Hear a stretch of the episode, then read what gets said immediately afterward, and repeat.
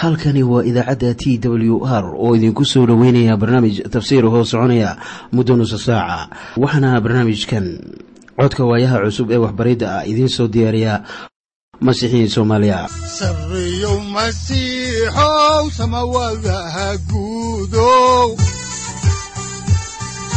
Siraadkii adduunkow subanaha eebow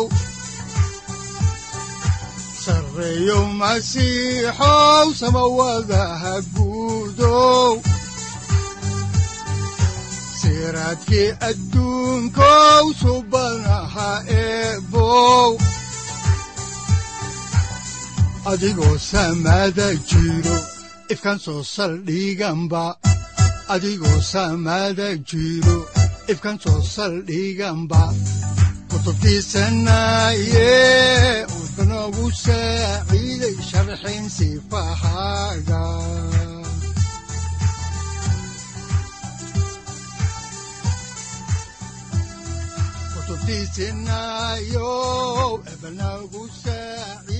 ku soo dhowaada dhegaystayaal barnaamijkeenna dhammaantiinba.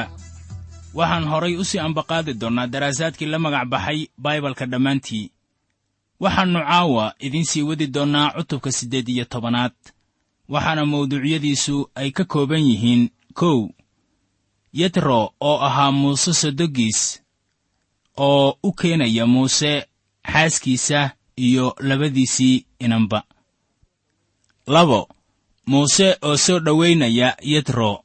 Saddex yetro oo tala ka bixinaya sida loo doonayo xaakinno kale iyo muuse oo aqbalaya taladii yetro. Afar yetro oo tegaya ama ku noqonaya dhulkiisii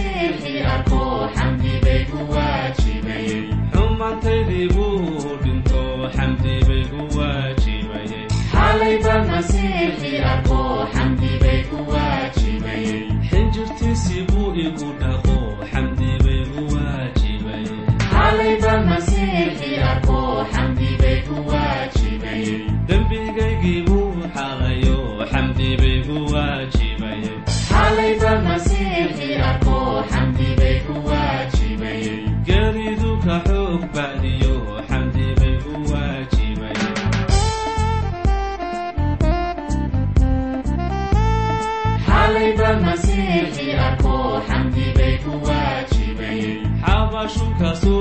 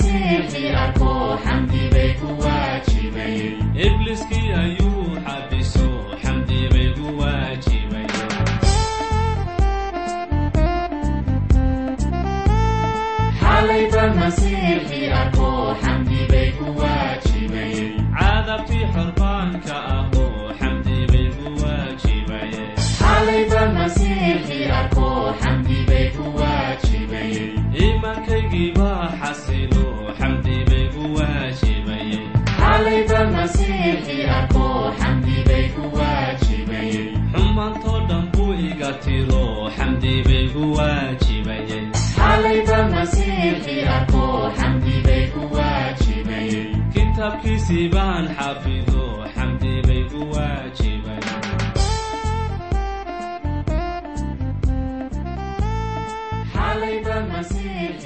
markii noogu dambaysay waxaannu ka munaaqashoonaynay sidii yetro talada uu ugu soo jeediyey nebi muuse markii uu arkay in dadku ay sugayaan muuse subaxda ilaa iyo maqhribka.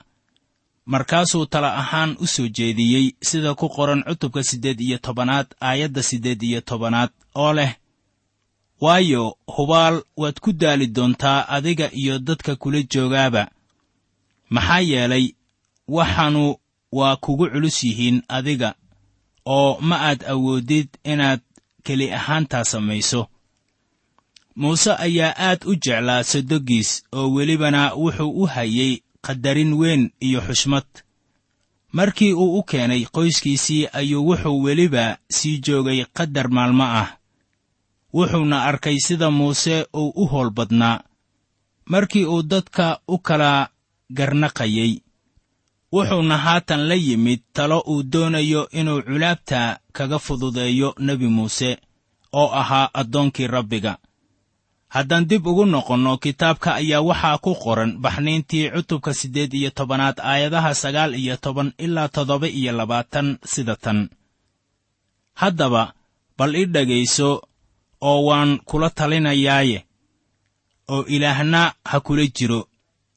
Adigu dadka daraaddiis ilaah u dhowow oo arrimahaadana ilaah u keen oo waa inaad iyaga bartaa amarrada iyo qaynuunnada oo waa inaad iyaga tustaa jidkii ay mari lahaayeen iyo shuqulkii ay qaban lahaayeen. Oo weliba waa inaad dadka oo dhan kala soo baxdaa rag karti leh oo ilaah ka cabsada oo daacad ah oo neceb faa'iidada xaqdarrada ah oo kuwa caynkaas ah madax uga dhig inay ahaadaan kuwa kunkun u taliya iyo kuwa boqol boqol u taliya iyo kuwa konton konton u taliya iyo kuwa toban toban u taliya oo kuwaasu dadka ha u garnaqeen had iyo goor oo waxay noqon doontaa in wixii weyn oo dhan ay adiga kuu keeni doonaan. Laakiinse wixii yar oo dhan ay iyaga ka garnaqi doonaan. Oo sidaasaa hawshu kaaga yaraan doontaa oo iyaga hawshay kula qaybsan doonaan. Oo haddaad waxaan samaysid oo haddii ilaah sidan kugu amro dee markaas waad adkaysan kari doontaa oo dadkan oo dhammuna meeshooda ayay nabad ku tegi doonaan. Sidaas daraaddeed muuse wuu dhegaystay hadalkii sodoggiisa wuuna wada sameeyey wixii uu ku yidhi oo dhan. Markaasaa muuse wuxuu reer banu israa'iil oo dhan ka doortay rag karti leh oo wuxuu ka dhigay madaxdii dadka oo ah kuwa kunkun u taliya iyo kuwo boqol boqol u taliya iyo kuwo konton konton u taliya iyo kuwo toban toban u taliya oo dadkay u garnaqi jireen had iyo goorba oo arrimaha ad adagna waxay u keeni jireen nebi muuse. Laakiinse wixii yar yar oo dhan iyaga ka garnaqi jiray. Markaasaa muuse uu u oggolaaday sodoggiis inuu tago isna dalkiisii ayuu tegey yitro ayaa wuxuu u soo jeediyey muuse inuu xaakinno kala magacaabo si ay ula wadaagaan isaga dhibaatida dadka. Qof baa wuxuu odhan karaa maxaa ku jaban? Taladii uu soo jeediyey. Waa hagaag. Marka dusha laga eego taladaas ayaa wax waliba ay u muuqdaan inay wacan yihiin. Waxaase jira shay ay tahay inaan maanka ku hayno waxaa jira laba nuuc oo xikmad ah dunidan waana xikmadda ilaah iyo xikmadda dunida. Wixii yadro uu soo jeediyey ayaa u taagan ama ku sallaysan xikmadda dunida. Markii aad raacdo qaabka dunida eegi maysid ilaah. Haddaba mid ka mid ah asbaabaha kiniisaddu ay u dhibaataysan tahay maanta ayaa waxa ay tahay in kiniisadda looga meel dayey niman magac leh oo hawshoodii ku soo guulaystay. Markaasay waxay damceen inay kiniisadda ku maamulaan dariiqii keenay inay xagga baayac mushtarrada ku horumaraan. Markaasaan howlahooda laga haynin xikmadda ruuxa haba yaraatee. Haddaba barnaamijyada howlaha adduun ayaan ka shaqaynaynin kiniisadda haddaba taladii yetro uu soo jeediyey way wanaagsanayd. Waxayna dhimaysaa culaabtii muuse oo waxay dedejinaysaa howlaha garsoorka. Waxaanay taasu keenaysaa hab lagu kala dambeeyo oo wakhti bayna helayaan. Waxyaabaha kan yetro uu soo jeediyey ayaa ah arrimo wanaagsan. Taladiisu waa mid daacadnimo oo ujeeddadiisuna waa mid wanaagsan wuxuu danaynayay caafimaadka muuse oo sababtaas aawadeed ayaan taladiisa ugu guuxaynaa. Ha yeeshee tan aynu u baahannahay inaan maanka ku hayno ayaa waxay tahay intaasu ayan ahayn doonista ilaah. Ilaah baa oggolaaday waa sax laakiin taladiisa ma ahayn. Markaan si aad ah ugu kuurgalno qidcadan ayaa waxaa muuqanaya dabeecado aan hagaagsanayn oo ku jira talada ninkan. Tan koowaad ilaah ma siinin muuse tusmo ku aadan xaalkan. Yadro taladiisu waxay su'aal ka keenaysaa xikmadda xukunka iyo jacaylka ilaah. Yadro wuxuu lahaa ilaah u samayn maayo waxyaabo wanaagsan muuse. Haddii ilaah uu jecel yahay muuse uu danaynayo talooyinka caynkan ah ayuu beri hore u soo jeedin lahaa saaxib waxaan ka dhandhansaday yadro taladiisa tu la mid ah abeesadii joogtay beer ceedan. Abeesadu waxay xaawo ku tidhi war haddii aad cuni lahayd geedkan xikmad bad yeelan lahayd. Ilaahna taas ma oggolayn. Waxaanay abeesadu tidhi ilaah kuu samayn maayo wixii ay ahayd inuu kuu sameeyo. Taladii yetro ayaa la mid ah taas laakiin haddii tanu ay tahay habka ugu wanaagsan ilaah beri hore ayuu u samayn lahaa iyaga. Tan labaad ee ay tahay in la eego ayaa waxay tahay in ilaah si toos ah oo ula macaamiloonayay nebi muuse. Wuxuuna siiyey xoogga uu uga baahnaa inuu israa'iil ku samata bixiyo. Ilaah dooni maayo in qolo saddexaad ay meesha soo gasho mana doonayo inuu kuwo kale oo isku gadaamo awoodda ilaah ay si toos ah muuse ugu yimaadaan. Waxaad xusuusataa in muuse ilaah uu ula hadlayey fool ka fool. Waxaa jira dad badan oo aan jeclayn inay ilaah toos ula macaamiloodaan. Intay ilaah fool ka fool ula macaamiloon lahaayeen ayay ka jeclaystaan inay bini'aadmi la macaamiloodaan oo waxay jecel yihiin inay nin kiniisad maxfal ama buug ama riwaayado ka raadsadaan fikrado. Talooyin baa laga helaa waxyaabahaas oo dhan laakiin saaxiib waxaan u baahannahay inaan si toos ah ilaah ugu tagno. Ilaah dooni maayo in jameecadan la soo dhex galo. Tan saddexaad ee la ogaanayo waxay tahay markaan eegno qidcadan in yadro taladiisii ay abuurtay urur kaasoo ay ka soo baxeen waxa loo yaqaanno toddobaatanaadka amase the sanhedrin kuwaasoo kun iyo shan boqol oo sanno kadib markii la aasaasay ururka habeen fadhiistay oo shir isugu yimid si ay u qorsheeyaan ama u maleegaan dhimashada sayid ciise masiix muuse uma uusan baahnayn ururkan waayo ilaah baa muuse siiyey awood uu hooshiisa iyo marxaladahan adag ku fushado. Toddobaatankan nin waa ka howl badan yihiin hal nin.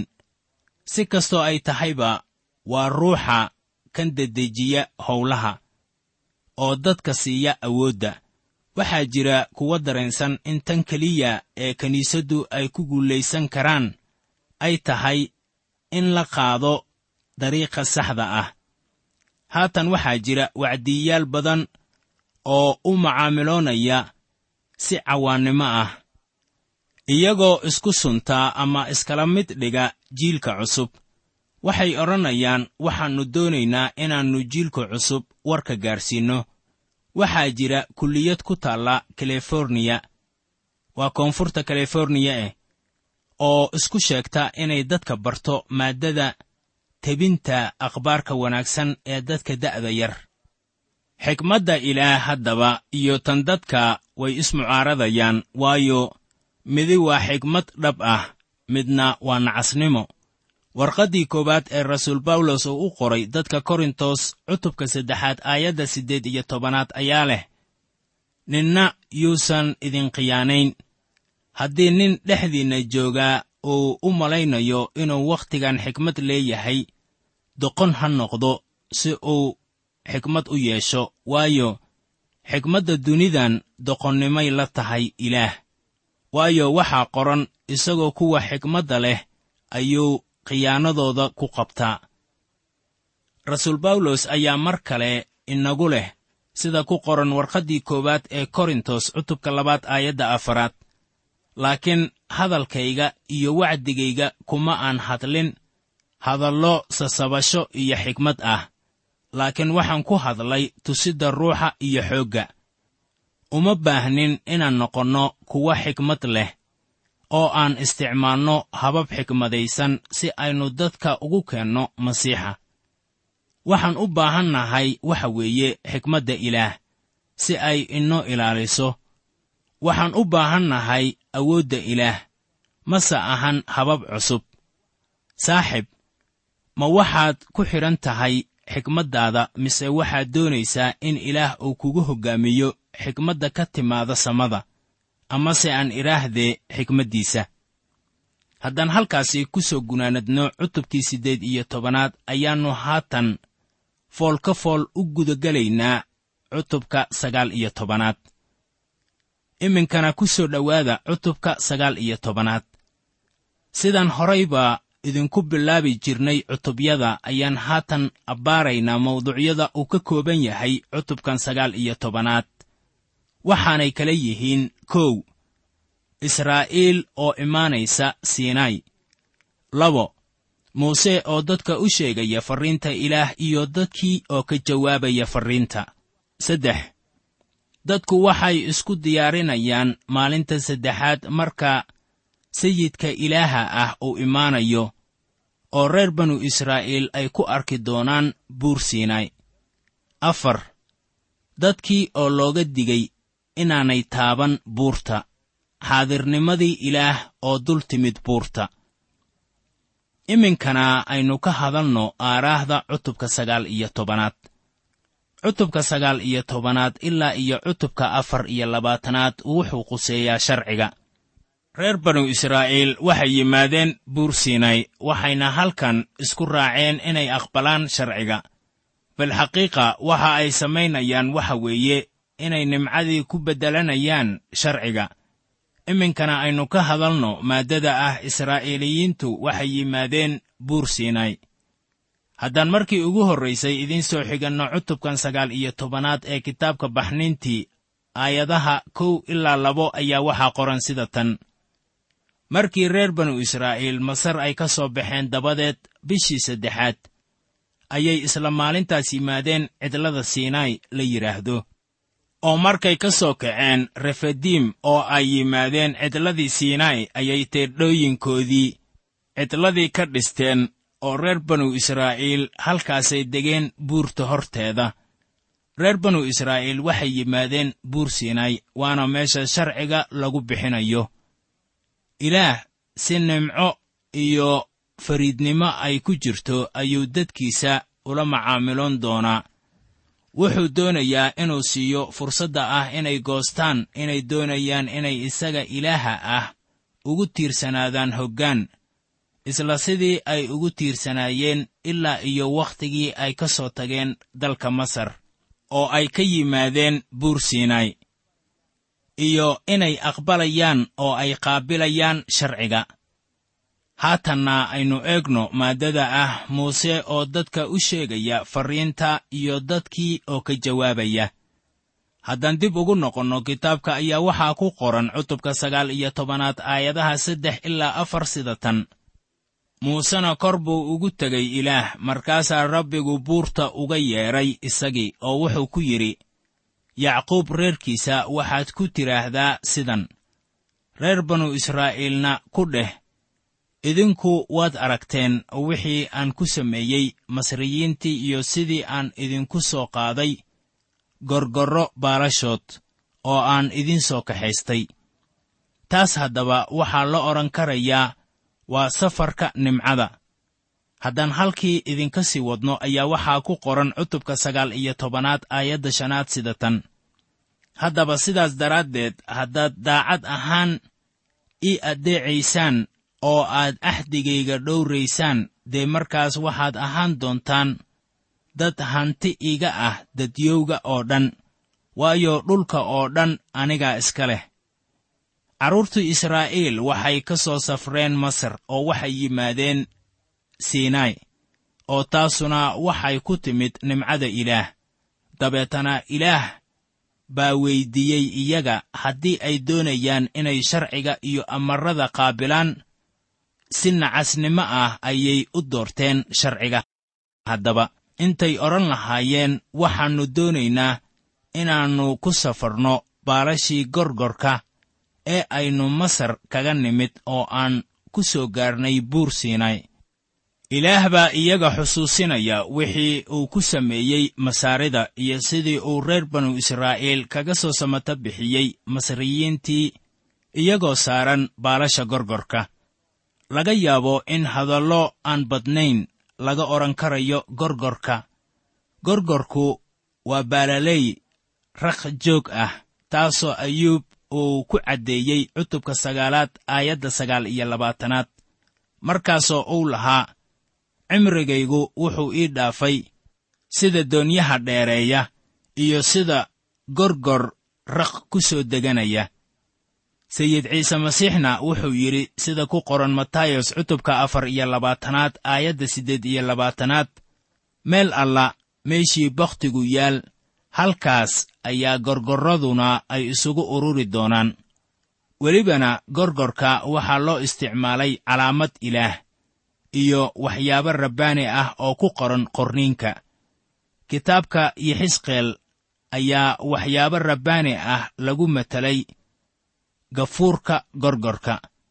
Cutubka afaraad ee kitaabka muujintii ayaa waxyaabaha rabbaaniga ah waxaa loo taswiiray sida gorgor duulaya. Gorgorka waxaa lagu jeclaystaa baalashiisa iyo awoodda uu sare ugu kaco. Markaan dhanka kale ka eegno gorgorku waxa weeye diyaarad dheeraysa oo ku jirta shimbiraha oo baalashiisana waxaa lagu micneeyaa inuu yahay calaamad rabbaani ah ilaah wuxuu ku yidhi reer banu israa'iil sida ku qoran baxniintii cutubka sagaal iyo tobanaad aayadda afaraad sida tan. Idinku waad aragteen wixii aan ku sameeyey masriyiintii iyo sidii aan idinku soo qaaday gorgorro baalashood oo aan idin soo kaxaystay. Taasuna saaxiib waxa weeye nimcada ilaah oo aan go'in ee yaabka leh nimco ayaa ilaah reer banu israa'iil uu kaga soo saaray dalka masar oo uu ku keenay buur siinaay ilaah wuxuu arkay inaanay caawimaad haysanin oo ay yihiin kuwa ku rajo beelay addoonsigii masaarida. Markaasuu ka samata bixiyey. Wuxuu ku badbaadiyey dhiig isla habeenkii malaggii dhimashadu uu kormarayey ayaa reer banu israa'iil ay ka soo tageen dhulkii masar. Waxay yimaadeen badda cas halkaasoo fircoon uu doonayey inuu ku laayo.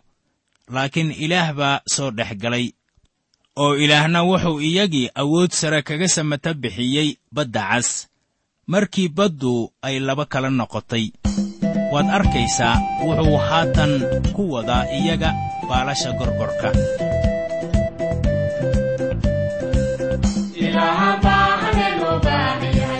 Ilaha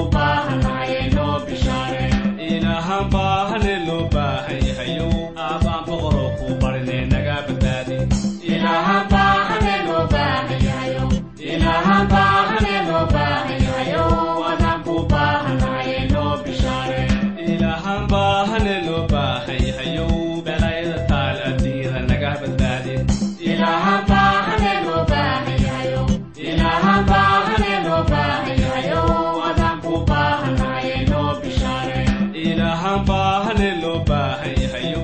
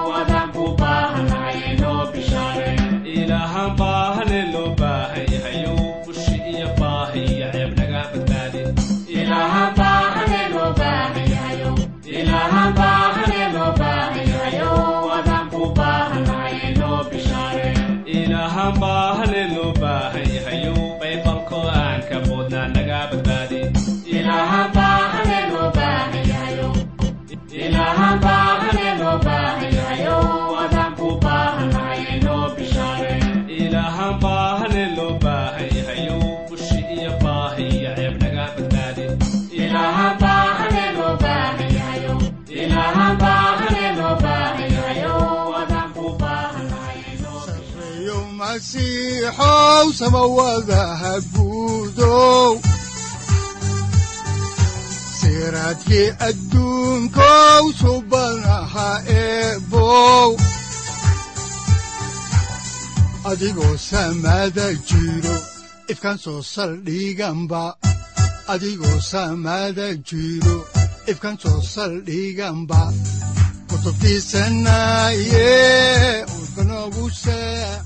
halkani waa t w r idaacadda t w r oo idinku leh ilaa ha idin barakeeyo oo ha idinku anfaco wixii aad caawi ka maqasheen barnaamijka.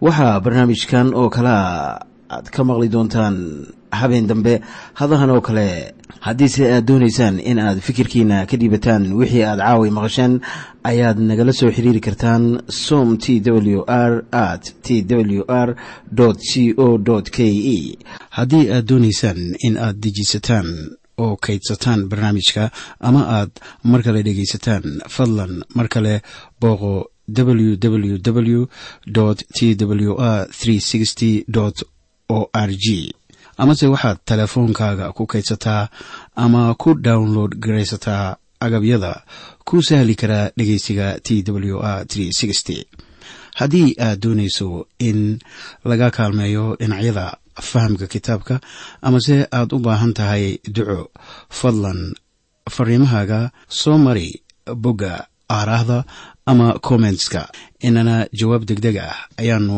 ku soo diri doonaa amase ku siin doonaaye